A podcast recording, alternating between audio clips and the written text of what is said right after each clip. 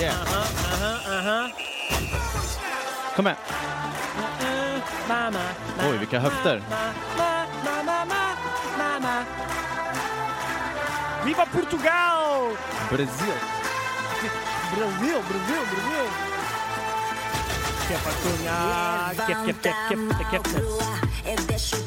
Jamil, Jamil, Jamil, Jamil, Jamil. Idag ska vi snacka om någonting som känns... Ja, det känns... Jag är lite nervös. Ja. Det känns spännande. Det känns eh, exalterande att få tala om detta. Det här är lite grann av en favoritepok i historien som Ja. vi ska behandla idag. Så är det Vad faktiskt. spännande. Vad är det vi ska prata om då? I dagens avsnitt av Keffa kungar. Avsnitt sju. Det är avsnitt sju. Det Eller det. säsong två, avsnitt två. Men, Ja, men det är bara jobbigt. Så vi säger eh, avsnitt sju. För att krångla till det så säger du avsnitt sju, jag säger, jag säger säsong två, avsnitt två. Perfekt. Så, Mm. eh, Keffa kungar, eh, eh, det, alltså, det känns fortfarande som att vi, liksom, vi håller på och värmer upp inför den här säsongen. Ja, eller hur? Alltså det är ju andra avsnittet. Andra, första avsnittet eh, tyckte jag det gick riktigt bra. Ja. Det Jag kändes har som fått att sjuk respons. Alltså Ja. folk har ju stoppat mig hela tiden bara Wow, är det du? Ja. Jag bara, ja det är Ja. jag liksom. det börjar bli jobbigt Mm. det här med, jag håller på att lära mig att skriva med vänster hand och alla autografer i korridorerna så här på skolan. Det Ja, men det är känns, sjukt. Ja, det är tungt. Vi kanske tungt. måste lägga ner podden efter den här säsongen. Vi får nog göra det, eh, Mm. tror jag. Eh, Det blir ett monster, Frankenstein. Ja, liksom. det har blivit viralt. Mm. Nej men det, det känns underbart faktiskt. Det känns jättekul att vara igång. Mm. Eh, och idag ska vi då prata om eh, upplysningen. Upplysningen, denna bråkiga period i historien. Ja, men det, det är lite så, men alltså ordagrant, alltså bokstavligt Mm. talat, det är en ganska bråkig period. Ja precis, det är väldigt mycket som händer. Man kan säga att eh, det föds två bebisar. Alltså revolutioner tänker jag. Ja, verkligen. Mm. Eh, två, ja, precis, två bebisar som kommer att växa upp och bli till vår egen samtid. Mm. Så kan man säga. Eh, vi kan väl säga det också att när vi pratar om upplysning så eh, är det inte helt enkelt att dela in den här Nej. tidsperioden i någon slags så här eh, vackert eh, korrigerad tidslinje. Mm. Eftersom att det beror lite grann på vad man menar med upplysning. Ja, alltså historiker älskar ju att dela in historia. I alla fall för att få någon form av så här, eh, alltså struktur på historien. Man ska förstå, ja, men här börjar det, här slutar det. Men upplysningen, det beror lite på hur man ser på det. Vissa menar på att det börjar i och med liksom vetenskapens framväxt. Eh, andra, menar, andra menar på att det är liksom ända in till 1750, 1720 Mm. och det slutar någonstans 1789 med franska revolutionen. Men vi måste kanske dra en liten gräns här idag. Ja, vi, vi som historiker älskar ju att, och nu lanserar vi ett nytt begrepp här som jag tycker är fantastiskt, fackitera. Wow. Vi, vi, Ja. ja, men det är så, att fackitera saker innebär att man älskar att placera dem i Mm. fack och där de som är ganska tydligt avgränsade så att man kan diskutera dem. Ja. Och man brukar säga det att en, en, vad som skiljer en period från en annan eller en epok från en annan, Mm. det är när det sker ett tydligt brott Precis. ifrån liksom sättet att leva och tänka Mm. och så händer någonting nytt kan man säga. Någon form av förändring. Liksom. Och pratar vi den vetenskapliga revolutionen och liksom så här att ja, det här upplysningen börjar, nya Mm. tankar så, då är vi nere, då är vi i början av 1600-talet. Ja, precis. Och då händer det ett par saker där med naturvetenskapen. Alltså att man, man kommer på eh, ett par grejer som kan man säga rör om det hela, får människor att tänka på ett nytt sätt. Ja. Eh, förändrar kan man säga relationen, också maktbalansen kan man säga. Eh, och då tänker jag främst på kyrkan som då under medeltiden, slutet av medeltiden, liksom, och även än, än idag i vissa områden, men specifikt då Mm. hade otroligt mycket att säga till om vad gäller liksom, Mm. tolkningsföreträde. Eh, de, Ja, ja, ja. Det var ju de som förmedlade kunskap. Och, eh, jag, jag har en bekännelse innan vi drar igång det här. Mm. Vi kommer behöva, jag känner det redan, vi kommer behöva experter för det finns så många Mm. lager och nyanseringar Ja. av den här perioden. Alltså man kan prata, vi kommer prata mycket filosofi. Yes. Eh, men innan vi börjar så har jag en bekännelse att göra. Mm. Eh, och det är jag ju inte den enda som har gjort bekännelse. Jag tänker på Rousseau som vi återkommer till. Rousseau. Eh, Rousseau. Eh, jo, jag har räknat. Oj, jag är inte stort. Ja, ja. Berätta mer, hur Ja, gjorde du? Jag tog hjälp av en matematiklärare här på Tumba gymnasium Mm. och eh, räknade. Jag kom fram till att jag använder ordet exakt ungefär 147 gånger i eh, avsnittet som var innan detta. Exakt! Exakt! Och så här, med entusiasm. Exakt! Exakt! Eh, exaktamente. Jag har alltså en tick. Jag har alltså en, en, en benägenhet att använda Mm. detta lilla vackra Mm. ord lite för ofta. Men det blir så när du pratar med mig att du får väldigt mycket så här, exakt, exakt så är det. Exakt, för Ja. du säger exakt, exakt, exakt. Ja, du säger exakt. Mm. Du säger så himla bra saker hela tiden. Men ska vi ha en countdown då? Om, eh, jag säger till så fort du säger exakt. Ja, så, så- ja precis. Du Mm. använder räknaren, där, det Ja. klickdjuret som jag gett dig, så klickar du. Precis. Ja, Eh, och så ser vi hur många exakt vi får Mm. in i det här avsnittet. exakt. Eh, exakt.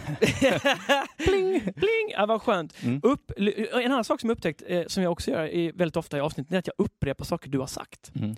Jag tänker att eh, du, du har dålig svenska, Emil. Jag tänker att Nej, du har nej, dålig nej, jag svenska.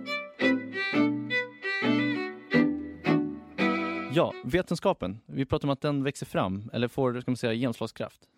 Ja, alltså det är ju så här, eh, vetenskapliga upptäckter har man ju gjort under väldigt lång tid. Mm. Men jag tänker inte minst på antiken och de här snubbarna som satt och tänkte sig fram till Precis. att atomen måste vara den minsta beståndsdelen och alla de här, så, de var ju helt, de var ju sjuka alltså. De Ja, var ju helt galna. Men det hände någonting här, Mm. 1600-tal, eh, och även tidigare. Jag tänker på Galileo Galilei. Yes. Eh, och jag tänker på Copernicus, den underbara polacken. Eh, de förändrade ju liksom, eh, de förändrade ju allt kan ja, man säga. Alltså världsbilden kan man säga, och hur man betraktar eh, sin omvärld, hur man betraktar universum, Ja. jorden. Och eh, tidigare så har man ju tänkt på att eh, jorden var liksom i centrum. Mm. Att eh, Gud, Gud har skapat jorden Mm. eh, för att vara liksom mittpunkten. Och i och med de här upptäckterna med Copernicus och Galileo Galilei så börjar man ifrågasätta det och man kommer fram till att det inte är så att, liksom, att solen är i mitten och man cirkel... Nu vet jag, vanliga kunskapen. Så, ma- så man, har, man har suttit stilla, Mm. lugnt och fint. Allting har varit stilla. Yes. Och så helt plötsligt Ja. så börjar allting snurra. Precis. Och, då, Det, det måste vara Mm. rätt jobbigt. och det kan man ju tänka sig idag, det är klart att det är så som det är, alltså solen är i mitten och sådär. Men Ja. man tänker då i den tiden, den Ja. kontexten när kyrkan hade ordet kan man säga Ja. och eh, man utgick från liksom Bibeln och den kunskapen. Mm. så kommer det ett par människor där och går emot det här. Ja. Och, och det gör ju på ett annat sätt att de här nya kunskaperna eh, bidrar till att man börjar tänka mer kring alltså att människan själv kan förstå sin omvärld, Mm. kan betrakta världen, kan med sina sinnen liksom skapa Mm. kunskap själva. Mm. Ja precis, och att eh, någonstans så här, den blicken mot att vi ska använda liksom vårt förstånd. Mm. Så. Eh, rationalismen, att det ska vara rationellt, vi kan tänka oss fram till Ja. det som är vettigt. Så. Och det är ju att utmana Mm. alltså den som har monopol på makten här och säga att ni, egentligen är det det man säger mellan raderna som är intressant, att det ni förespråkar, alltså det vill säga det, det kyrkan förespråkar, det är inte förståndigt. Nej, precis. Och det, det, det. Då, då, då förstår man att fo- folk Mm. blir irriterade och stackars Galileo Galilei, eh, han tvingades ta en spade och ja. gräva ner sig själv i princip. Hej, du är glad att ta en spade Ja. och gräva ner dig så vi slipper se dig. Han- Lite så var budskapet från den katolska kyrkan. precis, han fick ju backa lite från sina kan man säga, upptäckter. Så han, han kunde inte stå för dem och det kan man ju ändå förstå. Alltså det, är- Ja. det är inte så här att de bad honom snällt precis, utan det var ju gör det eller så dör du. Ja. I princip. Och väldigt många har ju faktiskt missförstått många av de här sköna upp, alltså, eh, vetenskapsmännen och filosoferna ungefär som att de var gudsförnekare. Mm. Att de liksom dissade liksom hela gudsbegreppet och Precis. allt vad det betyder. Mm. Men riktigt så var det ju inte. Nej, alltså under den här tiden så växer ju kan man säga en ny syn på Gud. Eller på Guds förhållande till människor. Och det är Precis. det som, har, som man kallar för deism. Alltså de blev Ah. deister. Eh, Deismen, just det. ja, och det kan vara lite knepigt ord. Och frågan är om det finns förklaring. Mm. Ja, tjena Finn. Hej. Har du lust att förklara det här med deismen? Ja, får jag göra klart det här först? Det är en omelett. Fan vad Ja, förlåt, vad sa du? Vad hette det? Deismen? Ja, deismen. Ja, ja, ja, det kan jag väl göra. Men Rent lexikaliskt Ja. så kommer ju själva begreppet från eh, latin och det, från deus, Gud. Ja, det är, inom religionsfilosofi är en gudsuppfattning som innebär att det finns en transcendent, alltså översinnlig, ej möjlig att uppfatta eller förstå. Och personlig, ett väsen eh, slash kraft då, i sig själv och inte något utspritt. Gud alltså som skapat världen men inte längre ingriper i världens undergång. Eller världens gång menar jag. Jämför med motsatsen teism. Men Så det var inte så svårt. vad fan betyder det egentligen? Alltså, nu, Ursäkta, nu får vi snacka klarspråk för fan. Alltså, vad betyder detta Finn? Ja, men det du precis Alltså, sa, alltså- det, är ju rena, det var ju rena grekiska. Ja, ja, visst. Vadå, ska jag gå ner på lekmannanivå? Ja, du Är det får, det som är tanken? ja, du får, Jag trodde att det här får, var... du får nog göra det! Jag trodde det var en seriös podd. eh, visst, eh, men rent kortfattat så innebär att Gud har skapat universum, jorden, människorna, allt som lever i den och eh, lämnat människorna och allting annat som lever i den i sin egen skit. Finns förklaringar. Det fanns. Ja, det fanns förklaringar. Han är Och fantastisk. ja, Mm. han, är, han, är, alltså, han är inte bara kock, det ska folk ha klart för sig. Han är filosof, han är liksom, han, han kan det mesta. Han är lite som råttan i Ratatouille. Ratatouille. Du vet han Mm. som gör soppan, som gör allting som blir bra. Ja, jag har Allting- sett filmen. Ja, Mm. sett, ja typ sett filmen. Vi tackar Finn. Tack Finn. Tack Finn. Namaste. Ja, under upplysningen så fanns det väldigt många filosofer. Japp. Personer som tänkte till och hade idéer hur man skulle styra ett samhälle. Japp. Och eh, jag tänkte att vi skulle börja beta av några av de här. Ja, det är, det är nämligen så. Alltså, eh, när man pratar historia så brukar man ibland i historieteori tänka så här, vad är det egentligen som driver historien framåt? Vad Mm. är det liksom som, eh, som, som, vad är viktigast egentligen? Är det de stora strukturerna? Är det liksom politiska beslut? Är det Mm. ekonomin? Eller så? Eh, Det är den ena, den ena liksom linjen som kallas för historiematerialism. Snyggt. Eh, och den andra linjen är ju så här, nej det har inte så stor betydelse utan det är faktiskt enskilda individer och det Mm. de säger och deras beslut och så, det är de som formar vår historia. Yes. Och när vi, kommer, när vi pratar upplysningen, då är det onekligen så att det finns en uppsjö av olika personer, Ja. oftast män, Ja. eh, som haft enorm betydelse om vi Ja. pratar förändring. Och en av de här är eh, Descartes. Descartes. Descartes. Mm. Descartes. Eh, Descartes. Mm. René. Descartes. Descartes rätt. Vi kan säga det att det kommer bli mycket sån här för det är mycket fransmän. Ja, precis. Mm. Men eh, ska Descartes. vi inte... Så är Descartes. Nej, Descartes. Vänta. Descartes, ja det är en skön snubbe. Visste Verkligen. du, han, när han föddes så var det ju faktiskt så att han, eh, han var väldigt klen och ynklig. Och man Mm. trodde inte ens att han skulle överleva. Ja. Eh, och han hade ju för vana att liksom sova väldigt länge på dagarna och sådär. Han hade ju ärvt en enorm förmögenhet så han behövde ju aldrig förvärvsarbeta eller liknande. Nej. han, han kunde ju ägna sig åt att filosofera. Ja, och så var det ju oftast. Det var ju liksom en klassfråga. Alltså var du bonde så hade du inte tid att sitta, sätta ner och säga, "Men nu ska jag fundera liksom det här meningen med livet. Liksom. Utan Nej, oftast så var det någonting som eh, de privilegierade Ja. ägnade sig åt. Och vi kan slå fast det, eh, därför att ibland så eh, pratar man om, eh, om revolutioner och om och förändringar ungefär som att det är någon, nästan ett folkligt drag. Att det här Mm. och helt plötsligt som en fingerknäppning så gäller det Ja. alla. så. Mm. Och riktigt så var det liksom inte och och Nej. har aldrig varit egentligen. Utan det som du säger, det, det är alltså de som har medlen och möjligheten eh, Ja. oftast. Eh, och, och det här sprids ganska långsamt får vi ändå säga. Ja. Alltså det, det, den här upplysningsperioden, till en början så var den ju liksom riktad till borgarklassen, eller i alla fall de som var läskunniga. Ja. Så att det, var det var inte så att den vanliga bonden tog del av den här informationen. Mm. Visst, så, såklart att- det kunde ske, men det har att göra med läskunnigheten. Mm. Så att eh, de här filosoferna riktar sig oftast till liksom, de läskunniga, utbildade Mm. Och här finns ju ändå den här eh, sköna fransmannen Descartes. Descartes. De- Descartes. Mm. Descartes. Carte. À la carte.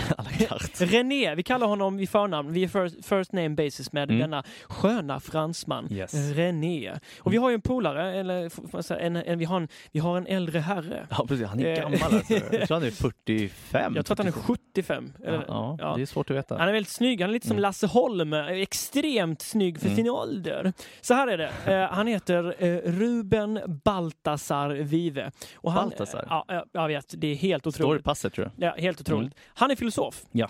Eh, och jag tänker att vi ska, eh, ni ska få lyssna på att vi hade ett möte med honom för han Mm. älskar Descartes. Han älskar honom. Då är vi här med Ruben Baltasar Vive som du Simon kallade den här. Ja, det är, det är helt sjukt. Ja, det är underbart här. Vi sitter i ett slutet litet utrymme och eleverna är runt omkring oss. Mm. Och vi sitter ju här för att snacka om eh, den här franske berömdheten Descartes. Ja, menar ni Descartes? Där! Jag sa att det var Descartes. Descartes, men han, vadå? Dec- han stavar ju med ett S på slutet. Fransmännen är skumma. De eh, DS, C-A-R-T-S. Descartes vill vi ju säga, men Ja. det heter Descartes faktiskt. Ja. Descartes. Även- Descartes. Ja, Descartes! Även hans namn är lite så här filosofiskt. Eller så här, man får tänka lite kring det. Ja, precis. precis. Men eh, Descartes. Ja. Vad, vad var typiskt? Vad, vad skulle du säga är liksom eh, trademark? ja, alltså man summerar med ett ord. Tvivel. Han tvivlar på allt. Mm. Det, tvivlar på allt. vill, vill, du, som vill du vänlig utveckla det? Jo, det var så han tänkte. Hur ska jag komma fram till någonting eh, som är absolut säkert? Så tänkte Ja. han. Mm. Och då tänkte han, om jag börjar tvivla på allt. Ja. Då kanske jag till slut kommer fram till någonting som jag inte kan tvivla på. Och hur gick det för den här Descartes? Med, med sitt tvivel och... Ja, först så tänkte han så här, för han var ganska smart Descartes. Det Ja. var, kan jag tvivla på matematiken tänkte han. 2 plus 2 är 4. Kan jag tvivla på det? Vad tycker ni?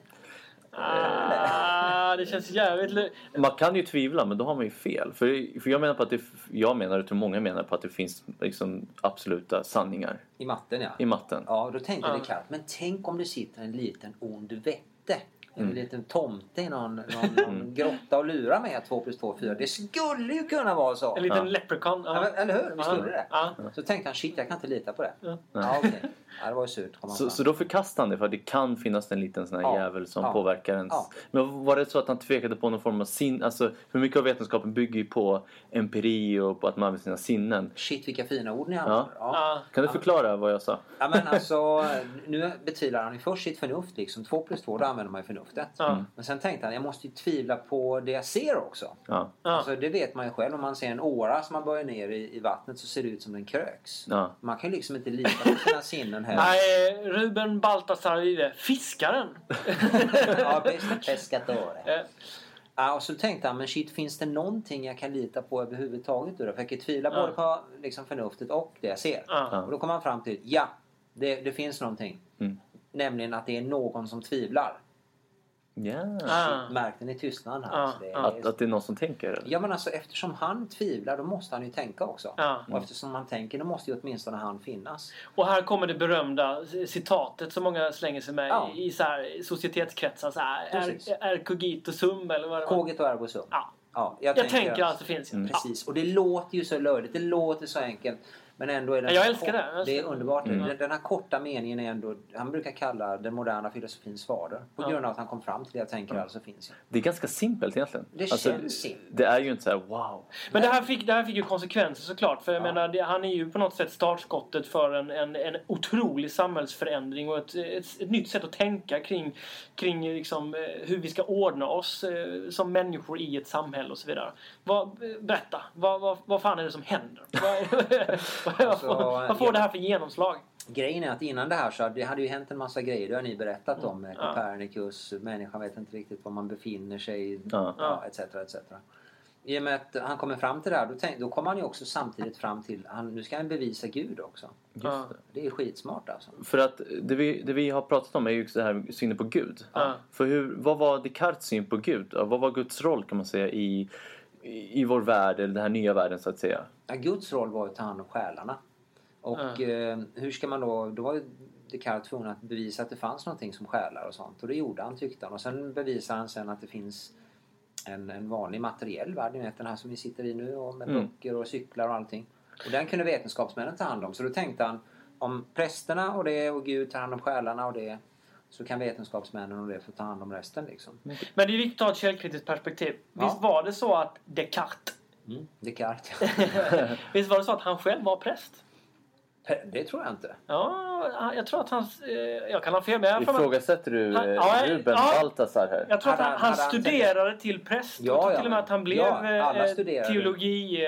Alltså att han var, Ja. titulerade sig präst. Ja, alltså. alla studerade ju teologi och Mm. studerade sådana där saker men att han, han, han var ingen aktiv. Han, var, han, han, kanske inte var, han kanske inte praktiserade Nej, prästämbetet, Nej, men han precis. titulerade sig som präst. Han hade väldigt mycket. Men eh, det sägs ju att han dog på ett väldigt speciellt sätt. Ja, han hade lite otur får man väl Ja. säga. Och, det, och här måste vi, måste vi tillägga då för er som lyssnar att alltså, eh, det var inte bara att han dog speciellt, det ska du få redogöra för Ruben, utan eh, Sverige har ju med det här att göra. Absolut. Alltså det svenska bidraget till den vetenskapliga revolutionen är vad då? Det är ju en stor skamfläck på Sverige. Är- Drottning Kristina var ju väldigt intresserad. Det var ju back in the day, 1600-tal. Så um, hon ville ju, drottning Kristina älskade filosofi så hon, Mm. hon försökte upprepade gånger få hit Ja. Descartes. Liksom. Ja. Och han bara, nej jag vill inte. Det är svinkallt där uppe. Ja. Till slut så, liksom han ville ha cashen, så Ja. han, han ville ha pengarna så han åkte hit. Och det var jäkligt kallt i Stockholms slott. Ja, ja Det svinkallt. drog så att säga. Ja, lite som ventilation på tummar. ja, precis. Och ehm, hon drog ju upp honom med fem varje dag.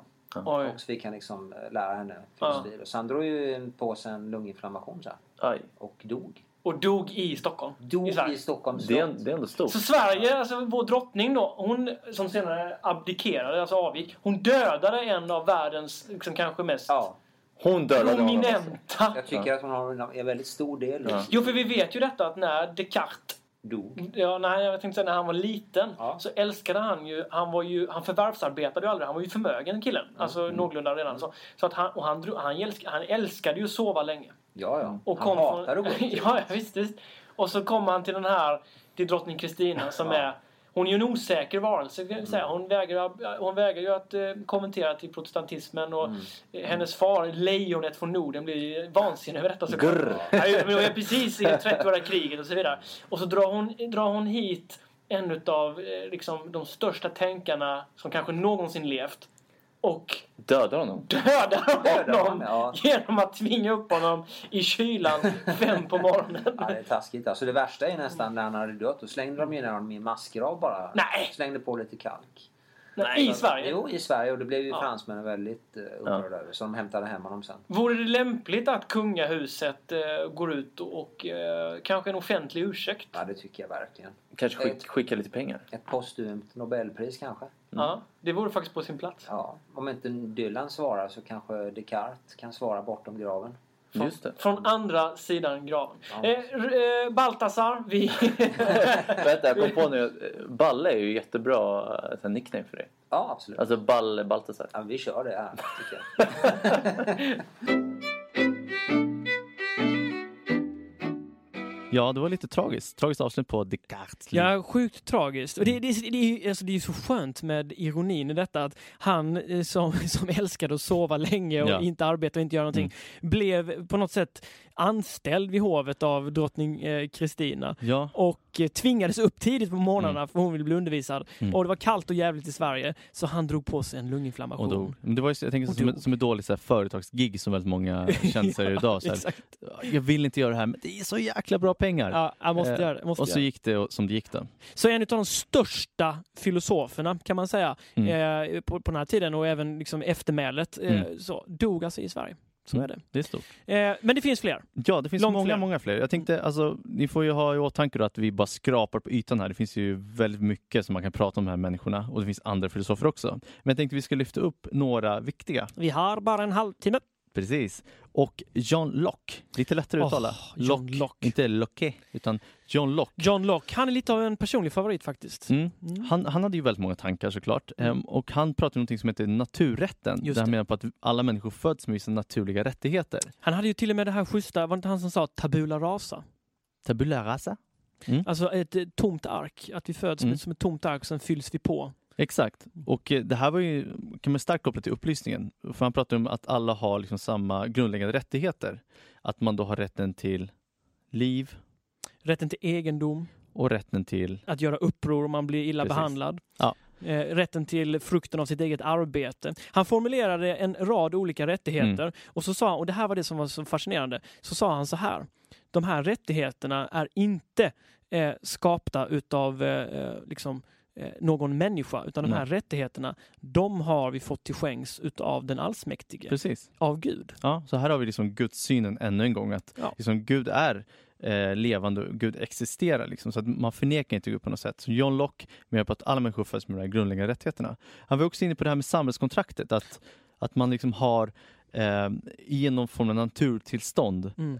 eh, inte haft några lagar eller liknande. Mm. Men att man för att liksom förbättra eh, och optimera ett Mm. samhälle så Mm. har man gett makten till någon form av överhet. Mm. Lite grann som eh, i, i Polen efter August den starkes död. Ska vi ta upp August den starka igen? Det känns som att vi har gjort August den starka. Ja, han är så skön. Han, han, Ja. han finns alltid i mitt hjärta. Mm. Eh, Jo, men så var det. Eh, naturrätten, eh, det går ut på samhällsfördraget, kontraktet. Eh, Yes. att någonstans så säger vi vanliga dödliga, vi säger ungefär så här att vi är beredda att lämna ifrån oss Mm. makten eh, över vissa saker till någon utomstående överhet. Yes. Eh, mot eh, naturligtvis då, och då att, att våra rättigheter bejakas och skyddas. Annars så gör vi uppror. Ja, precis. Och Och det, det är sjukt revolutionerande tanke detta. mm. och det, det är ju det som vi ser längre fram sen med de här revolutionerna, amerikanska och franska revolutionerna. Att, Jajamän. att visst, eh, vi har en struktur i samhället, men den är inte evig. Den kan man faktiskt förändra. Exakt. Mm. Och då kan man tänka så här, gällde de här naturrätten, de här naturrättigheterna kan man säga, Mm. gällde det alla? Nej. Och det gällde alltså inte kvinnor. Det gällde inte kvinnor Mm. och det gällde inte vissa samhällsgrupper som inte var Mm. socialt accepterade helt enkelt. Man kan säga så här, den ursprungliga tanken, det vet vi inte. Det är möjligt Nej. att han avsåg precis alla människor. Mm. Men i praktiken så blev det ju inte så. Nej, för man var, ju, man var ju beredd att göra vissa förändringar. Men, men, men. Inte för kvinnan. Inte för kvinnan. Där drog man gränsen. Liksom. Där drog man gränsen. Och det här retade naturligtvis, alltså så här var det också, det retade upp många personer men under den här perioden så var ju många av de filosofiska salonger Mm. där liksom filosofer ifrån ofta då borgar och adelsklassen Mm. samlades för att diskutera saker. De hölls ofta utav kvinnor i Precis. kvinnors hem och så vidare. Mm. Och det, det fanns ju naturligtvis kvinnliga filosofer och en är ju, är ju vida känd. Jag tänker på Mary Wollstonecraft. Ja, precis. För hon, hon försökte få in feminismen i det här. Alltså att, visst, är det, det är jättebra, naturrätt, man ska ha, liksom, ha rätt till eh, grundläggande rättigheter, men ni måste faktiskt tänka på alla människor. Annars så Exakt. faller hela idén med på. Liksom. Exakt. Hon Mm. skrev ju den här eh, kända skriften Till försvar för kvinnans rättigheter. Mm. Där hon liksom på något sätt så här slog ett slag för att det här är ju helt uppåt väggarna, helt Mm. åt helvete helt enkelt. Mm. Eh, och det är klart att det måste gälla allt och alla. Riktigt så blev det inte. Det, alltså det kändes Nej. ju lite så, alltså upplysningstänkandet, om vi ska liksom eh, generalisera och bunta ihop alla de här tankarna i liksom en skål så, och kalla det för upplysningstänkandet. Så, var ju som ett slags bränsle för eh, både den amerikanska och franska revolutionen. Och Absolut. där deltog ju kvinnor på väldigt många Mm. sätt. Eh, eh, både handgripligen liksom i striderna men också på andra sätt. Eh, och, och, de, då, och de trodde naturligtvis att åh, äntligen kommer vi, vår plats i, liksom, ta plats i historieböckerna, Ja. ta plats i historien och få liksom ett, ett värdigt liv på ett annat sätt. Men så blev det inte. Nej, så blev det inte. Och eh, det är ju en makt som, eh, alltså en Nej, det är liksom, Nej.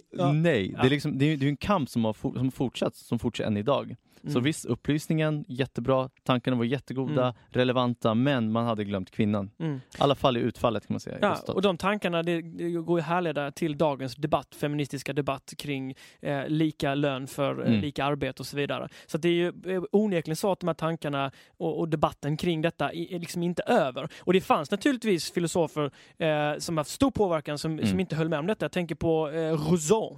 Rousseau Eh, det var en väldigt, Rousseau. väldigt speciell man. Alltså han, Ja. Man kan ju titta på Rousseaus tankar och så kan man se, var han verkligen upplysningsfilosof? Det var ju han, men Mm. han skilde sig väldigt mycket. Ja. För han var mycket för att man ska ta in det här med den här känslan, intuitionen. Ja. Man ska tänka. Mm. Alltså, för väl, någonting som var väldigt starkt under den tiden, det var ju förnuftet. Ja. Att man ska förnuftig. Man ska, vara rationell, man- logisk. man ska bygga kunskap på liksom, sinnen, empiri. Mm. Men Rousseau tänkte att det funkar inte riktigt. Vi är ju ändå människor. Vi måste utgå från vår intention, våra känslor. Exakt, känslolivet är viktigt. Det var så viktigt för honom att han skrev ju böcker om detta. Mm, han, skrev, han skrev ju bland annat, och här kan vi säga, här var nog inte Rousseau riktigt rationell. Han skrev ju böcker, han skrev ju bland annat den här Bekännelser och så vidare, Mm. eh, där han ju faktiskt medger att det bästa han visste var att få smisk. 50 shades of Rousseau. 50 shades of Rousseau. han gillade att få smisk. Ja. Och det, så var det. Så var det. Och han skrev ju också eh, den här... Eh, Emile, va? Ja, precis. Mm. Så heter den ja. Och där, där, där, där delar han ju verkligen upp könen och säger att den här uppfostran borde kvinnor Mm. få och den här uppfostran borde män få, eller Så, pojkar så han, ha- han hade väldigt stark idé om hur man skulle uppfostra barn. Ja. Men han hade ju fem barn och eh, han lyckades inte lika bra med dem. För alla de fem hamnade i, i fosterhem. Exakt, för hans teorier om hur man ska uppfostra barn var fucked up. Det är skönt. Man, det, det är lite grann som Yvonne Hirdman sa, man ska vara försiktig när man dissar histori- Ja. en stora tänkare. Men vi dissar ändå så. Mm. Hans teorier var ganska många gånger fucked up. För man kan också säga så här att hans idé om den ädla vilden, Mm. han hade ju också liksom byggt på det här, det här den, liksom att det fanns något ädelt i liksom Mm. vårt naturliga ursprung. Precis. Alltså, I natur, det naturliga ursprunget där allting så, eh, Mm. så, så är vi naturfolk och vi liksom Mm. springer runt i djungeln i princip och har det gött. Så. Så, så han, han tänkte att vi var alltså kedjade på något sätt. Alltså att samhället har gjort att vi har kommit ifrån det naturliga. Exa- ville- Exakt, samhället är ont i grund och botten, Exakt. säger han till och med. Mm. Men det jag ville säga var att eh, det fanns ju andra som spann vidare på de här tankarna. Jag tänker på tyskarna bland annat som började snacka om eh, så småningom om Folkgeist, eller hur man uttalar Mm. det. Folkgeist. Som, Geist. den, så här, den tyska folksjälen. Och man Mm. inbillar sig att jo, men i ursprunget så hade tyskarna en speciell folksjäl. Och vi vet ju alla vad den historien slutar. Ja, Så, vi dissade det så. mörkt, ja precis. Eh, det fanns andra. Ja, Det fanns andra. Montesquieu. Montesquieu.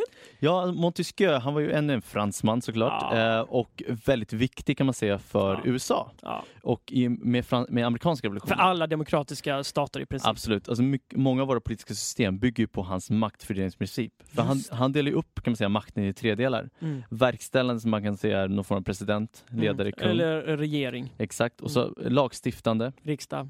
och, eh, och eh, domstol.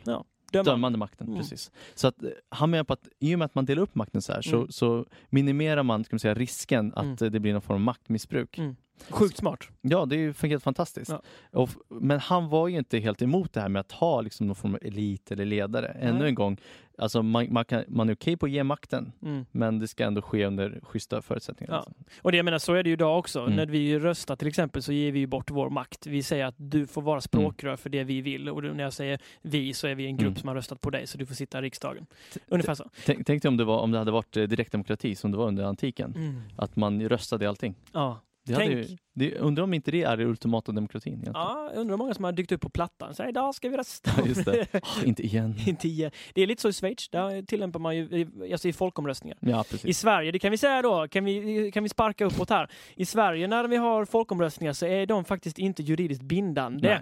Utan, eh, så det ska ni veta allihopa när ni röstar, när de ställer frågan till er. Hur vill ni ha det egentligen? Mm. Sen så skiter de fullständigt i hur ni vill ha det egentligen. Därför att, alltså, Det betyder ingenting. ja, tänk på här vi gick över till högertrafik egentligen. Ja. Vi körde ju på vänster sida. Eh, Mm. Ni som inte vet, det gjorde vi eh, i Sverige. Och eh, man folkomröstade om det och Sverige sa nej, vi behåller gärna vänstertrafiken. Då Njet. sa man njet, det skiter vi i.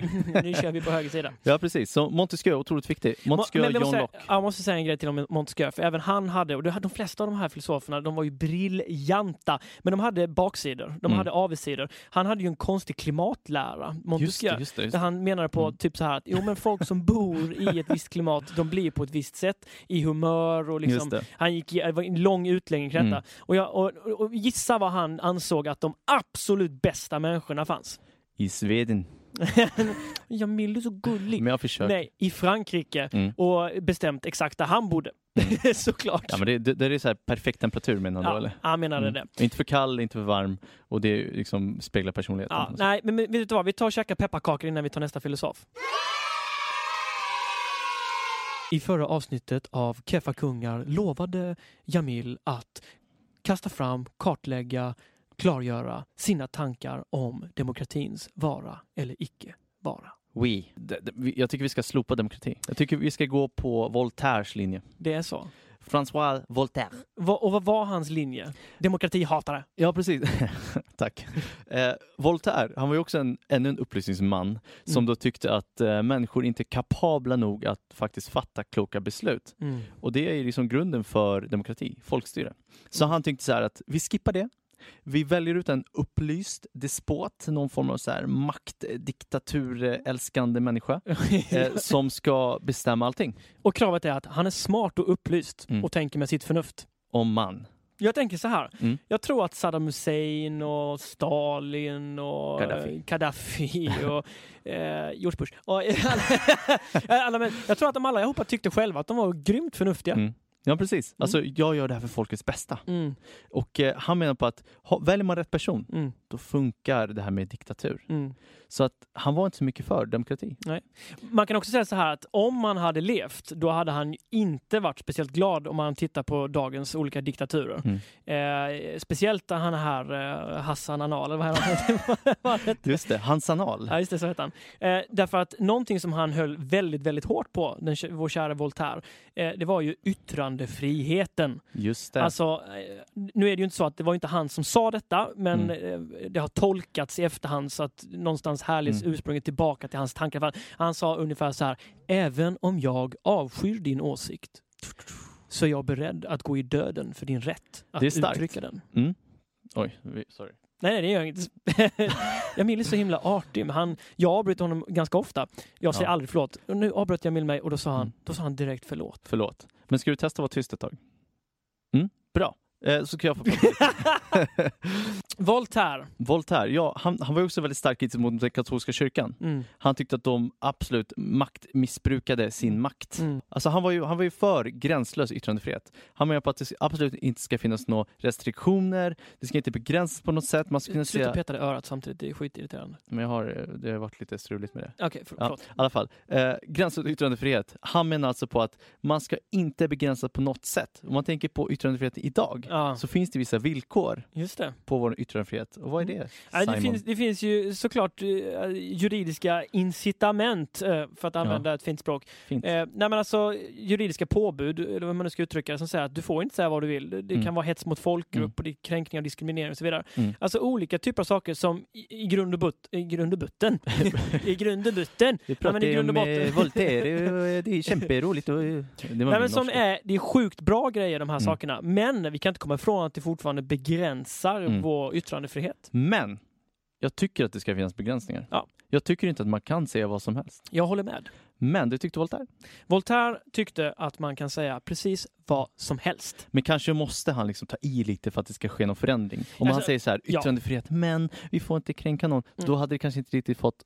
Nej, där- Nej alltså, så- alltså, man måste se det här i, i, liksom den, eh, i det sammanhanget där han verkade. Mm. Och där var det ju liksom, de som hade makten, de hade liksom tolkningsföreträde och man fick inte kritisera, man fick i princip inte göra någonting. Mm. Och det här är ju liksom, det är därför han angriper till exempel den katolska kyrkan på det sättet som han gör. Mm. Och även den protestantiska. Han angriper kyrkan helt enkelt. Yes. Och visst Alltså- visste du att han kände det så väldigt bra? Alltså de brukar Nej, träffas. vad de polare! Ja, de brukar träffas. Alltså på tal om det här med bekännelser. Det finns ju en med eh, Voltaire. The Voltaire edition. Okej, Mm. det här, jag har ingen an- Berätta. Eh, Jag bara hittar på. Det, det hade varit fantastiskt om de hade känt varandra. Men Står du och ljuger i Keffa Kungapodden? faktum är att de dog samma år. Det här är ju en faktapodd för fan. Mm. Sluta svär. Förlåt. Vi, vi har ju alltså nämnt några av de här filosoferna. Det fanns otroligt många andra Ja. filosofer som är väldigt viktiga. Ja. Eh, men syftet med de här filosoferna, eller vad de ville göra egentligen, det var att kasta ut idéer. Att Mm. skapa förändring, Mm. nå ut till människor. Och vi Mm. har ju pratat tidigare om det här med Gutenbergs uppfinning, Mm, med att man kunde trycka grejer. exakt. Trycka böcker väldigt Mm. fort. Och På, deras, på, på, liksom, på folkspråken också så att mm, Precis, så att du kunde nå ut. Så att folk lär sig läsa och så vidare. De, de här människors idéer, filosofens idéer, får ju otroligt stor spridning. Och det leder sedan till att det, och faktiskt också eh, samhället förändras. Alltså man, man är villig att skapa förändring. Och ingen plats på jorden är ju bättre för detta eh, såklart. Vi om vi ska kalla detta för någon slags experiment så, Mm. så blev ju den nya världen, alltså Amerikat. Ja, vi ska åka till Amerikat och satsa på jordbruket där. Har du kaffepannan påslagen? För jag tänkte skjuta haren och käka Mm. makaronerna och sen drar jag härifrån. Eh, skiter i den här eh, steniga åken. Eh, Jag ska till eh, Amerikat. Väldigt obehagligt. Ja. Så kunde det låta. Vi är absolut inte narr utav småländskan här. Vi tycker den är oerhört vacker att lyssna till. Mm. Så här var det.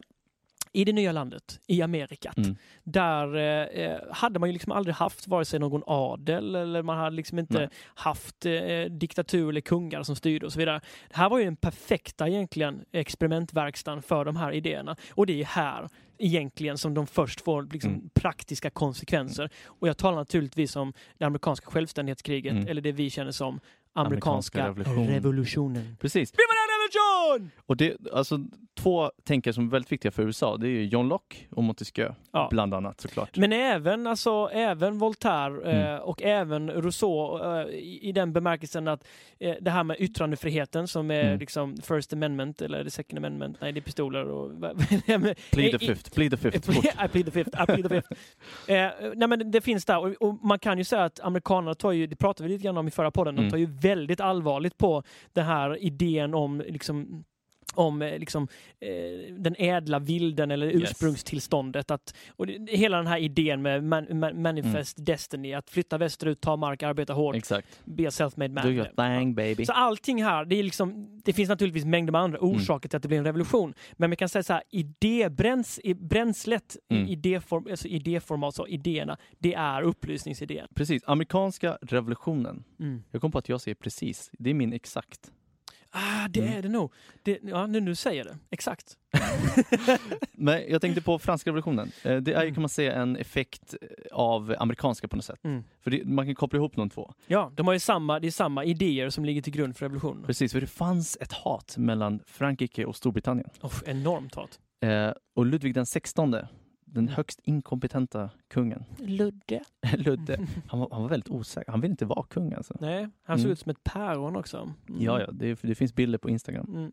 I alla fall, eh, franska revolutionen Eh, väldigt många fransmän hjälpte ju amerikanerna Mm. mot eh, britterna Mm. att bli fria och liksom skapa det här nya samhället med alla de här upplysningsidéerna. Mm. Det här kom ju sen tillbaka till Frankrike. Mm. Eh, Men de åkte ju hem så småningom. Ja, till, precis. till La France. Och Lud- Ludvig den 16, han fick ju verkligen känna på sitt misstag kan man säga. Mm, För han mm. skickade iväg soldaterna, gå och bekämpa britterna och sen kom de tillbaka och sen bara Hey, wait a minute. Det, här- det här samhället är ju inte riktigt så som det är i USA. Nej, och, det, och, och, och naturligtvis var det så, även om inte det fanns sociala medier på den här tiden, Nej. att ryktet om vad som hade hänt på andra Mm. sidan Atlanten, det spred sig. Absolut. Och det är också det som sen sätter igång den franska revolutionen. Ja. Mm. Nu förenklade vi enormt, får vi, får vi ändå säga. Men så är det faktiskt. Mm. Alltså, I grund och botten så finns det de här idéerna och utan dem, om vi ska testa oss på kontrafaktisk historieskrivning Mm. här, alltså vad händer om vi plockar bort någonting ur historien, hade det då Mm. inträffat? Frågan är om revolutionerna överhuvudtaget hade inträffat om inte det var så att upplysningstänket hade nått den liksom skala eller slash Mm. nivå att eh, tillräckligt många hade blivit påverkade och börjat tänka och, och fått upp ögonen för att hej, det går att leva på ett annat sätt. Precis, det går faktiskt att skapa förändring. Mm. Ludvig den 16 fick ju känna på det här. Ja, fan, du gillar Ludvig. Men jag gillar honom. Och Ja. Ma- Marie Antoinette Just det. Och eh, han från Fashion. från Fashion. Från Fashion, det var, vad hette han inte så? Från Fashion. Han, Jo, han var ju Marie Antoinettes lava. Exakt! Mm. Han försökte smuggla ut dem, det gick sådär, de blev av med huvudet. Kanske var det medvetet. Giljotin är en enorm apparat med ett stort rakblad. Swoosh! helt sjukt att man driver de här And you're grejerna. Mm. Ja, jag vet, det är hemskt. Egentligen, man, vi driver ofta med döden, du och jag. Ja, men det är sätt att handla döden. Är du rädd för döden? Jag är livrädd för döden. Varför det? Livrädd för döden. Jag kan tala om för dig, därför att jag är, och nu erkänner jag det, jag är artist.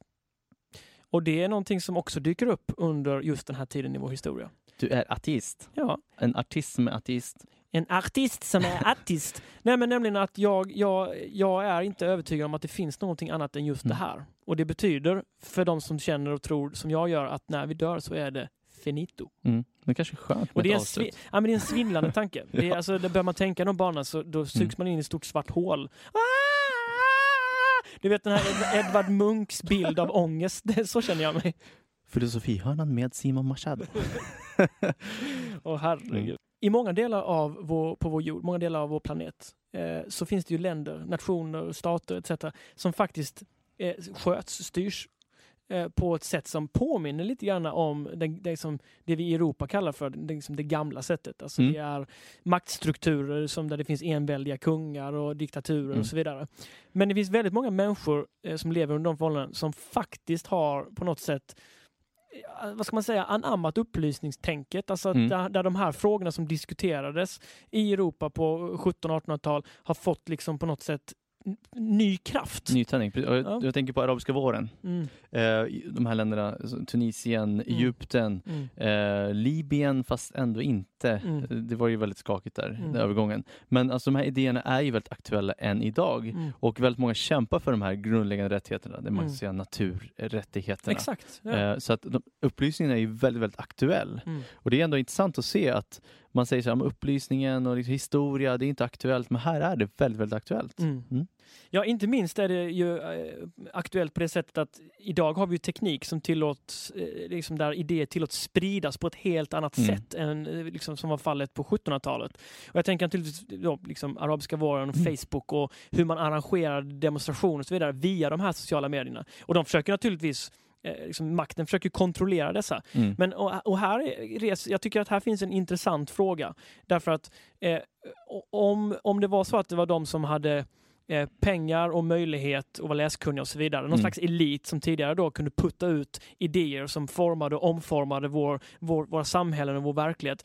Så är ju det faktiskt, för det förhållandet är ju förändrat idag. Mm. Vilka är egentligen dagens filosofer? Ja, är När ju- alla egentligen har tillgång till att göra sin röst hörd. Precis. Alltså, Som vi gör nu till exempel. Det går inte att kontrollera kan man säga eh, verktygen eller eh, portarna, eh, rösterna. Mm. Utan det är ju väldigt öppet idag. Mm. Idag kan ju vem som helst eh, skapa opinion, Mm. kan gå emot, Mm. kan använda sig av yttrandefrihet. Mm. Eh, I alla fall om man tänker i länder där det inte finns någon form av censur. Det är Mm. därför man tänker i Nordkorea är man väldigt strikt med censuren Mm. med sociala medier. För det är ju ett väldigt, väldigt viktigt maktmedel kan man säga. Eh, om dåtiden så pratar man om böcker om, vi, vi har pratat om tryckpressen, eh, pressen, att Mm. det var liksom så som man nådde ut till människor. Mm. Idag är, har man ju oändliga möjligheter Mm. att få spridning och eh, liksom påverka människors sätt att tänka. Mm. Och det här är ju liksom, eh, jag, men, det här, alltså jag, jag vet inte hur, det liksom, hur, hur vi kommer att resonera kring vår egen tid. Mm. Men jag är ganska säker på, eh, så här fram, framåt, om vi tänker en 300-400 år framåt i tiden, och, historieundervisning fortfarande finns i skolan får vi hoppas. Om historia att, nej, finns. att man tittar på vår tid och så liksom, har man kanske pratat om eh, am- amerikanska och franska revolutionen, att då titta här förändrades verkligen någonting i samhället. Mm. Och så kommer man till vår tid, då är jag ganska övertygad om att man kommer säga så här, här inträffade eh, nästa stora revolution. Precis. Eh, och jag, är, alltså, jag, är, jag tror inte att vi är inte medvetna om att vi lever i eh, en tid utav revolution. Mm. Men så, Och så var det nog för de flesta, även på 17 och 1800-talet tänker jag. Alltså Mm. att de var inte heller medvetna, alltså, de, alltså de allra flesta män, människorna, Mm. att de levde mitt i en revolution. Idag nåddes vi av en nyhet. Ja, Mm. apropå det här med eh, att ord är viktiga och betyder och att eh, the pen is mightier than the sword. Eh, nyheten vi nåddes av var ju att ordjonglören, får vi kalla honom, Bobby the Bob Dylan har fått Nobelpriset i... Litteratur. Ah! Vilket är helt fantastiskt. ah det, det, aj, jag, det, jag, Mm. jag älskar den här nyheten för han är, han är lite av en personlig favorit. Ska jag köra en imitation?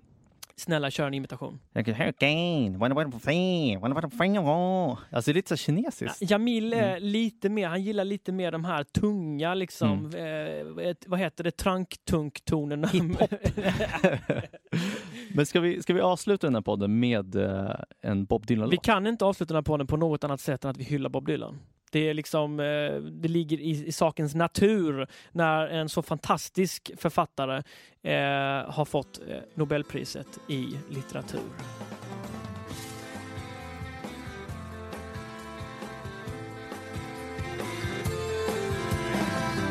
That's right.